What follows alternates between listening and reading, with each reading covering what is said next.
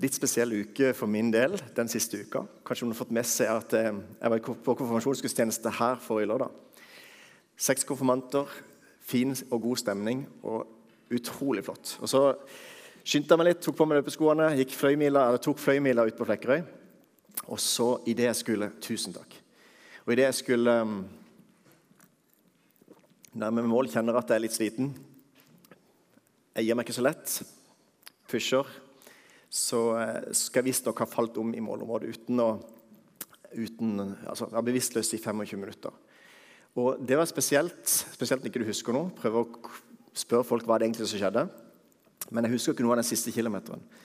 Så um, en spesiell opplevelse når du våkner i ambulansen og kroppen er ikke med, psyken er ikke med, husker ikke hvilket år, jeg er født, nei, hvilket år vi lever i, og helt ute av seg.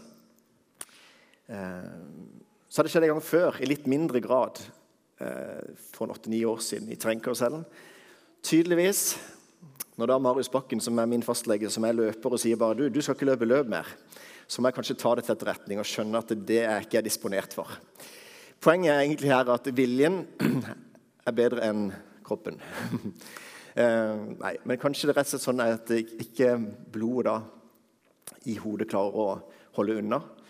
Eh, og som gjør at jeg må ta det til etterretning. Så jeg har gitt meg en uke på å synes at det er kjedelig. Jeg vet ikke helt hvor grensa går for hva anstrengelse er, men det kan utløse da besvimelse. Og um, Det er ståa. Jeg har lyst til å fortelle det. Men det betyr også at man tenker litt. Grann. Og kanskje folk rundt òg begynner å tenke. Kanskje vi begynner å tenke over hva det vi har, og hva det vi, som vi kan miste. Hva er det vi på en måte tar for gitt? Um, det at vi på en måte har det bra i det ene sekundet, og i det neste sekundet så opplever vi at det, hm, nå var det krevende. Og det å på en måte da tenke Gud oppi dette at Gud funker i gleden, og Gud funker i sorgen og smerten. At Gud faktisk fins, og han er til stede og elsker deg i alle sesonger. Alle årstider. Alle situasjoner som du er i. Og Det er utrolig fint, og det er tema for i dag. At Gud han elsker i alle sesonger. Og så må jeg bare si det at det, det er rørende. Tusen takk for omsorg og forbønn. Mange som har bedt. Og Jeg kan ikke tenke meg noe finere som kommer ut av vanskelige ting, enn den omsorgen. Så jeg bare blir ydmyk og opplever at um, jeg er svært takknemlig. Og kjenner at det er mange rundt som bryr seg. Og så har ikke jeg spredt dette, så mange av dere kanskje ikke visste det. Men sånt har spredt seg litt òg, så derfor valgte jeg å begynne der. Og så tror jeg også det er fint inn i møtet med temaet i dag. Men en liten sånn tankevekker til deg. Vi vet ikke når vår sesong er over. Vi vet ikke når ting er slutt. Så på en måte, ta godt vare på tida. Dette ble for gravalvorlig, så nå må vi ha litt mer Nå skal vi, jeg skal vise deg en snutt som jeg synes er veldig morsom. Og som egentlig var litt morsom inn i denne tida her covid-19. Så kan vi ikke bare se den? Og så har vi litt sånn galgenhumor. og litt sånn, må, Det er en veldig morsom historie. Og så Legg merke til omsorgen hos denne gamle mannen. Jeg synes han er veldig fin. Dette er på landet på bygda. Det er absurd film som har lagd den. Beklager et ord som kommer der, men vi koser oss. Og så ser vi denne filmen.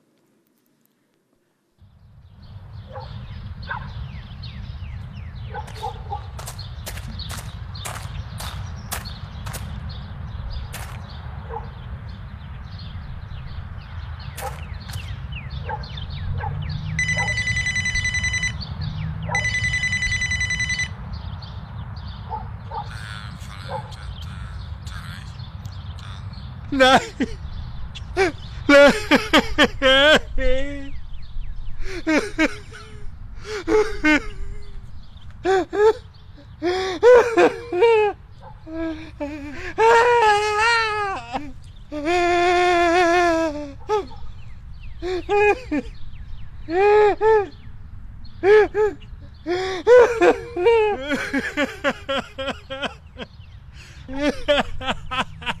Helsike!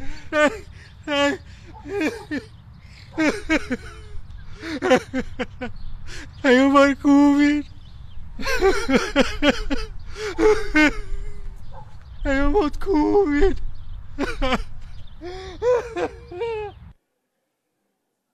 Da går den. Men Men jeg synes vi, må, vi må ikke glemme omsorgen i disse tider.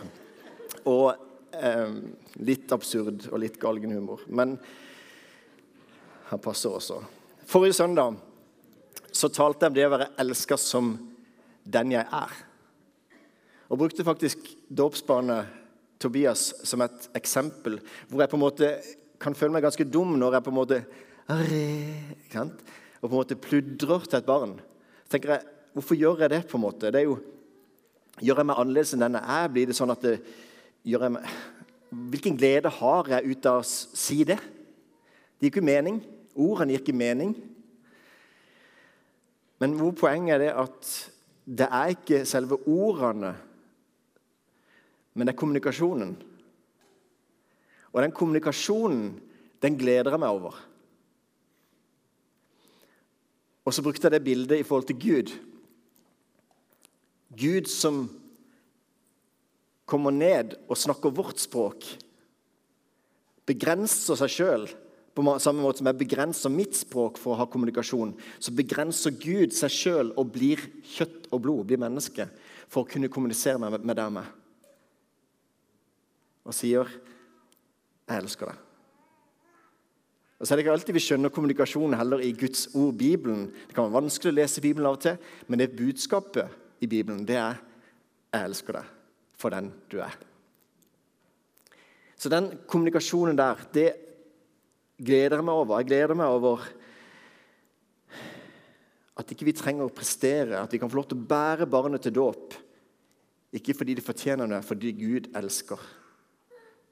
Vi er alle inkludert hvis vi ønsker det. Og så snakker jeg også om det at Problemet ditt er ikke at du ikke elsker Gud nok. Problemet er at du ikke har skjønt hvor mye han elsker deg. Så Vi fokuserer ofte på at vi ikke vi presterer tro, at ikke vi presterer følelser. Nei, da skal du slippe å fokusere innover. Du skal løfte blikket skal du fokusere på å se hvor mye han elsker deg.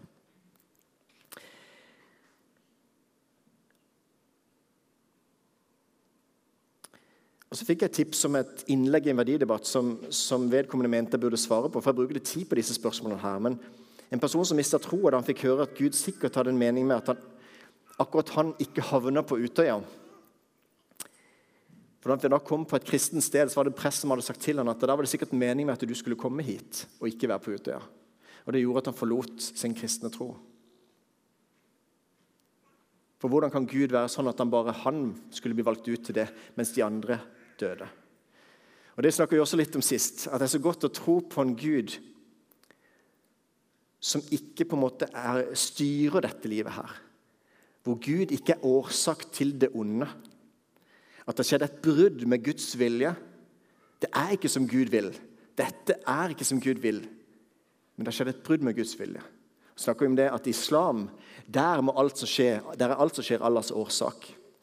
Jeg er glad at jeg ikke trenger å forsvare Allah. Men min Gud gråter og lider med. Jeg er så glad for den, den setninga der. Jesus gråt. Jesus gråt over dødens foreløpige grep.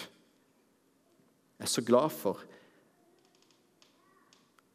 at jeg kan si at eh, ondskapen rammer blindt, men at Gud er midt i det hele. På menighetsturen skal vi snakke litt om det å være elska med hele din historie. Sånn som du er, ikke fordi at du har elska deg noe mindre, men med alt det du er, så er du elska. I dag er det elska i alle sesonger.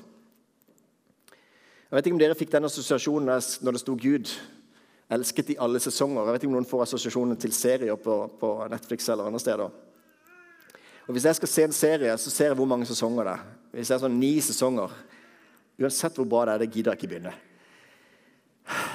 Men hvis du først har begynt på en serie, så kan du gjerne følge serie på, nei, på sesong på sesong og oppleve at dette er utrolig bra. Og så vet jeg ikke hvilken sesong du er i, eller om du, hvor mange sesonger du får i ditt liv heller. Og Det er ikke noe samsvar om det er spennende serie du representerer eller ikke. Det kan bli mange sesonger for det. Men poenget er bare ønsker du å leve og, og, på en måte ha et spennende liv, så kan du få lov til å leve med Gud der du er. Ikke framtidig eller ikke før, men der du er nå. Der kan du få lov til å leve med Gud i den sesongen du er i nå. Seasons på, på engelsk kan da bety sesonger av livet, faser av livet. Og det syns jeg er fint. At du er elska helt fra fødselen av. Nei, det var feil. Fra unnfangelsen av. Så er du elska av Gud. Elska av Gud, og du har ikke hatt mulighet for å produsere noe, mening eller noe grunn til at du skal være elska. Men jeg som har fått lov til å oppleve å bli far tre ganger, skjønner litt av hva det er for noe. At man elsker uten at det fortjenes. Men elsker fra fødselen av, nei, fra unnfangelsen av. Elsker som barn. La de små barn komme til meg. Elsker som ung. Du elsker som ung med den iveren, entusiasmen. At du er litt av og på, kanskje. Du elsker akkurat sånn som du er. Du elsker som voksen. Kanskje med din litt mer avmålte respons istedenfor sort-hvitt. Men vel, veloverveid og solid respons. Du elsker til tross for at Gud kommer lenger ned på prioriteringslista. Du er elska fordi du er hans elskede barn. Du er elska som eldre. Man trenger igjen som eldre å lære at ikke det handler om produktivitet, men å være. For det naturlige er sånn at Hvis vi da slutter i arbeidslivet, hvilken verdi har jeg nå? Hvis jeg ikke kan produsere noe, hvilken verdi har jeg nå? Vi, vi knytter verdien vår så tett opp imot produksjon og det å fortjene noe at vi sliter med det. Men vi må lære på nytt som eldre, og kanskje eldre da må se på barnet. Jeg husker jeg snakka med min mormor som gikk bort i fjor. Og Da snakka jeg mange ganger om det at følte hun var til bry.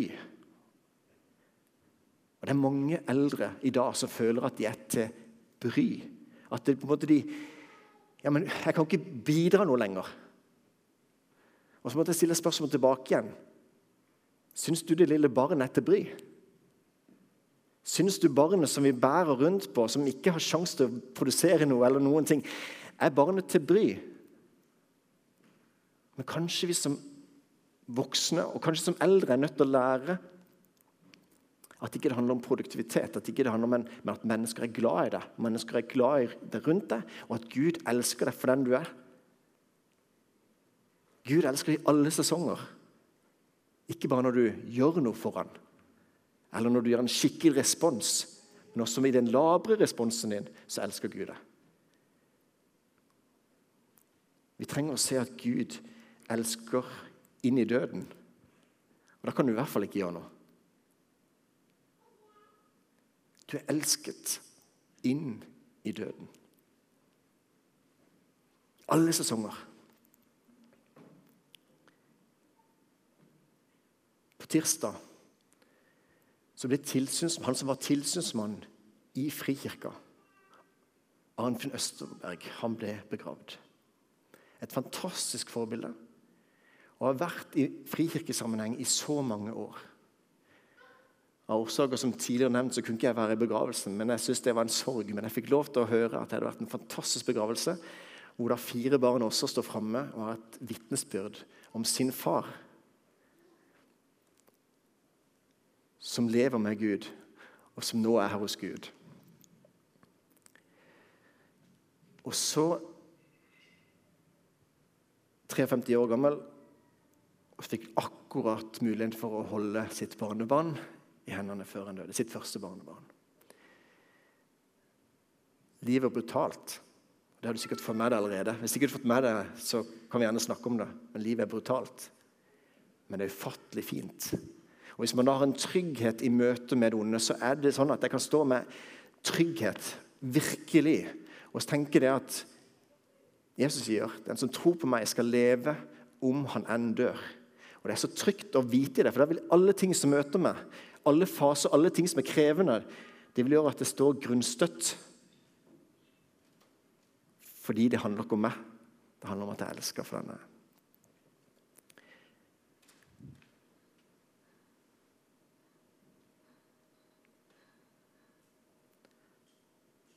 Jeg synes Det er så bra at ikke vi skiller, at ikke Gud skiller mellom produktivitet. Det ble sagt i forbindelse med Arnfinns bortgang at, at Gud Hvordan kan han ha så god råd? Og så er det utrolig fint sagt. Det har sikkert hørt noen si det. Og det er veldig fint sagt fordi at det ærer den personen. Hvordan kan Gud ha så god råd? For dette var en person som betyr så mye, og som betydde mye inni Guds rike.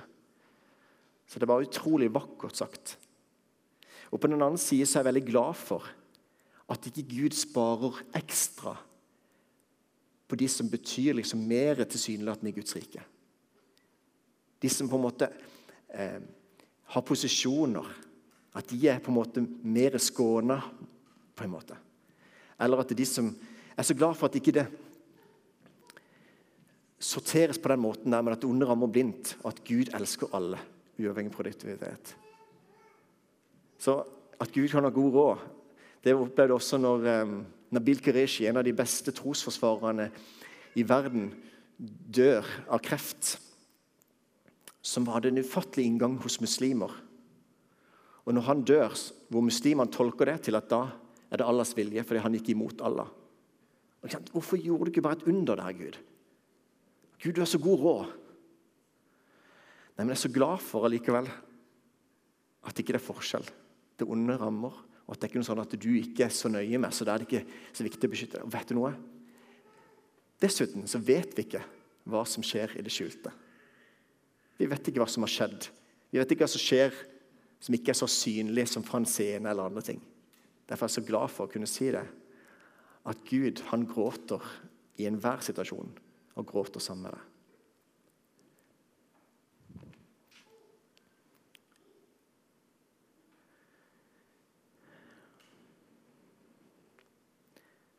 Denne produktiviteten henger ganske sånn kraftig i samfunnet. og Det er debatt om, nå, om hvor, stor verdi har mennesket.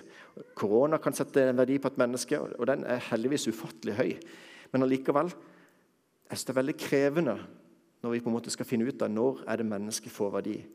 Jeg som kristen kan si at Gud har gitt oss verdi, og derfor har mennesket uendelig verdi uansett, enten det ikke er unnfang, eller bare det er unnfanga før det er født, og at vi også skal gå imot og ta liv. For ethvert menneske er uendelig verdifullt, også med eutanasi eller aktiv dødshjelp.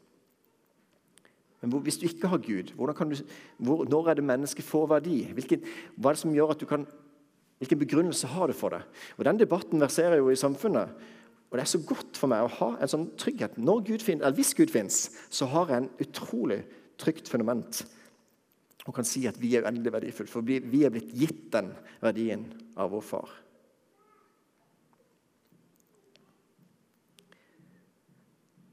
Til slutt så kan Seasons snakke også om årstider. Vi har hele livet. Vi har alle sesonger av livet, som jeg snakka litt om nå. Og vi har også årstider. At det vil være I vårt liv så er det ulike årstider. Um, alle de følelsene du har, men også periodene du har. Med at en, nå er det en periode som du kjenner deg sånn og sånn, eller nå er det en periode som du blomstrer. Nå er det en periode som du syns er vanskelig og tung. Det kan være en sesong, en fase. Gud er der. Gud elsker deg i alle sesonger, i alle årstider. Bibelmiks da finner en på bibel.no. En sånn liten folder. Kanskje noen har hatt det i sin bibel. Så kan du brette den ut sånn. så så Der står det bl.a. sånn at du kan lese Hva kan jeg lese når jeg er prikk, prikk, prikk sliten? Og så står det i bibelverset ikke sant? hvordan du kan lese hva du kan lese når du er sliten. Matteus 11, 28 f.eks. Kom til meg, alle som strever og bærer tunge byrder, så skal jeg gi deg hvile. Um, mange sånne nedover. Jeg vet ikke hvilken følelse du har, men din følelse kan du helt garantert finne noen andre i Bibelen, noen personer som har hatt det som deg. Da kan du få hjelp til å finne ut av og høre hva Gud sa til dem.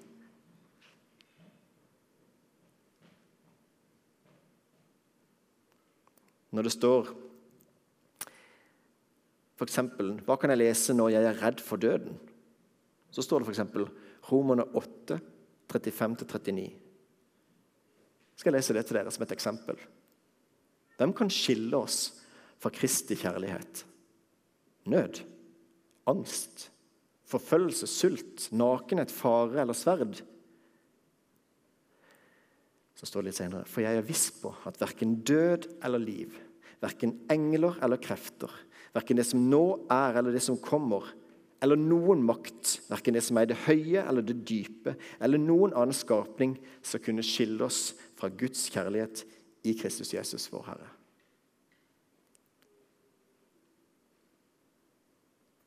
Om jeg enn skulle vandre i dødsskyggens dal, frykter jeg ikke noe ondt, for du er med meg. Din kjepp og din stav, de trøster meg. Salme 23. Du er elsket selv i dødsskyggens dal, når alt ser mørkt ut. Du er elsket når du er skikkelig glad. Du elsker når du er redd. Du elsker uansett hvilken følelse du har. Så vet jeg hvilken fase du er i livet, da, hvilken årstid du er i. Nå skal jeg si litt kort om de årstidene, de, de, det som særpreger årstidene. Og så bygger jeg opp nå til en sang som skal synges, som er helt fantastisk. 'Every Season' av Nicole Norden. Som synger om en Gud som er til stede i alle årstider. Men Nå skal jeg først si litt om hver sesong. Så må du tenke hvilken sesong er du i akkurat der. Nå skal jeg be en bønn for dere, og så får dere høre sangen. Ok? Kanskje du opplever å være i sommeren. Alt blomstrer, du trives, du får ut ditt fulle potensial. Du er på en måte på plass i livet. Du er der du skal være. Det er liksom sola som gir styrke og gir glede. Det er ikke nødvendigvis at du skal være glad hele tida, men du kjenner at du, du har det fint. Du blomstrer i forhold til det å være kristen. Vi skal tenke årstid i forhold til det. At du blomstrer. Du får lov til å være i tjeneste. Du opplever at du er på rett plass. Eller kanskje du opplever å være i årstiden høst. Hvor det er veldig fine farger. Men også hvor det er sånn at slutten på det går over i at det kan visne. Men et vakkert vakkert tre i høstens farger. Det er en innhøsting. Kanskje du kan bære frukt. Men kanskje også det treet må beskjæres. For Hvis man vet at man hvis beskjærer et tre på høsten, så vil det kanskje Noen trær må beskjæres på høsten og noen på våren, men, men det må beskjæres for å kunne bære mer frukt. Kanskje du må beskjæres på noen områder. Kanskje noen, noe i din karakter må jobbes med for at du skal kunne bære mer frukt.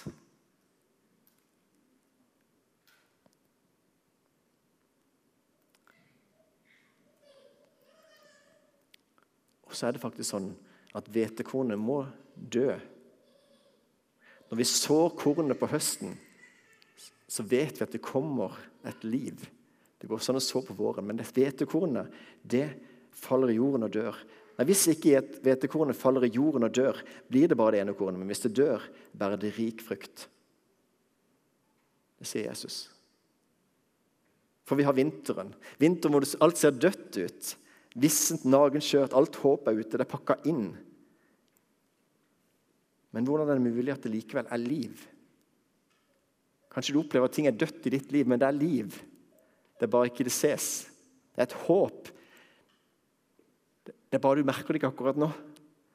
Det ligger der under overflaten, under alt det som er vanskelig. Vinteren hvor alt faller i søvn. synger Nicole Nordman. Til og med i døden så åpner Gud dører så livet kan slippe til. For det kommer en vår hvor alt som kommer, er nytt. Se, gjør alle ting nye hvor det kornet har ligget under jorda, eller hvor det som var dødt, får nytt liv. Gud skaper på nytt. Han har lagt den reskapelsen i skaperverket. Se, gjør alle ting nye. Det som er gjennomfrosset, har blitt gitt mening, kan brukes til det gode. Det som har vært vanskelig, kan faktisk få bli en ressurs hos Gud hvis du vil gi det til Han. Og Kanskje du har opplevd som kristen å være borte fra Gud lenge. Kanskje du har opplevd ørken i sommer. Men nå er vi inne i bildet med vinter. Så fins et håp. Og det, jo, det, helt, det slår oss til bakken hver vår. At er det mulig at det kan spire fram? Og troen har så vidt begynt å spire fram. Kanskje du har det sånn? Troen på at det kan bli noe. Du kjenner på håp igjen. Jeg vet ikke hvilken årstid du kjenner deg mest igjen men jeg har lyst til å be for dere. Og da har jeg lyst til å be for Kan dere tenke hvilken årstid dere er og så kan dere få lov til å Så skal jeg be for hver enkelt av dere i den årstid som det er. Så vil lovsangsteamet stille seg opp, og så synger de den sangen etterpå til dere. Kjære far, takk for at du elsker oss sånn som vi er. Takk for at du elsker oss i alle sesonger av livet. Takk for at du elsker oss i alle følelser vi har. Takk for at du elsker oss i alle livets faser, alle årstider. Så ser du enkelt som er her, hvordan de sjøl føler at de har det. Her har jeg lyst til å be for de som opplever det vanskelig, opplever at det er vinter, opplever at det er vondt. Herre, vis at det ligger et håp som vil spire fram, at du skal skape noe nytt. Herre, vær med de som kjenner at det kommer skapt noe nytt i vårens årstid. Kanskje de just har fått blitt kjent med deg, Gud, og kan få lov til å vokse inn i troa på deg. Takk for de som lever og kjenner at de er på rett plass. La de få lov til å leve i tjeneste for deg, la de få lov til å leve med sine evner og gaver som du har gitt, der de er. Og de som har vært til innhøstning og vært modne for Eller kan bære frukter, som, som opplever det i forbindelse med høsten. Når de også får merke det, at du er der når det visner, når løvet visner og de må beskjæres. Herre, takk for at du elsker oss. Amen.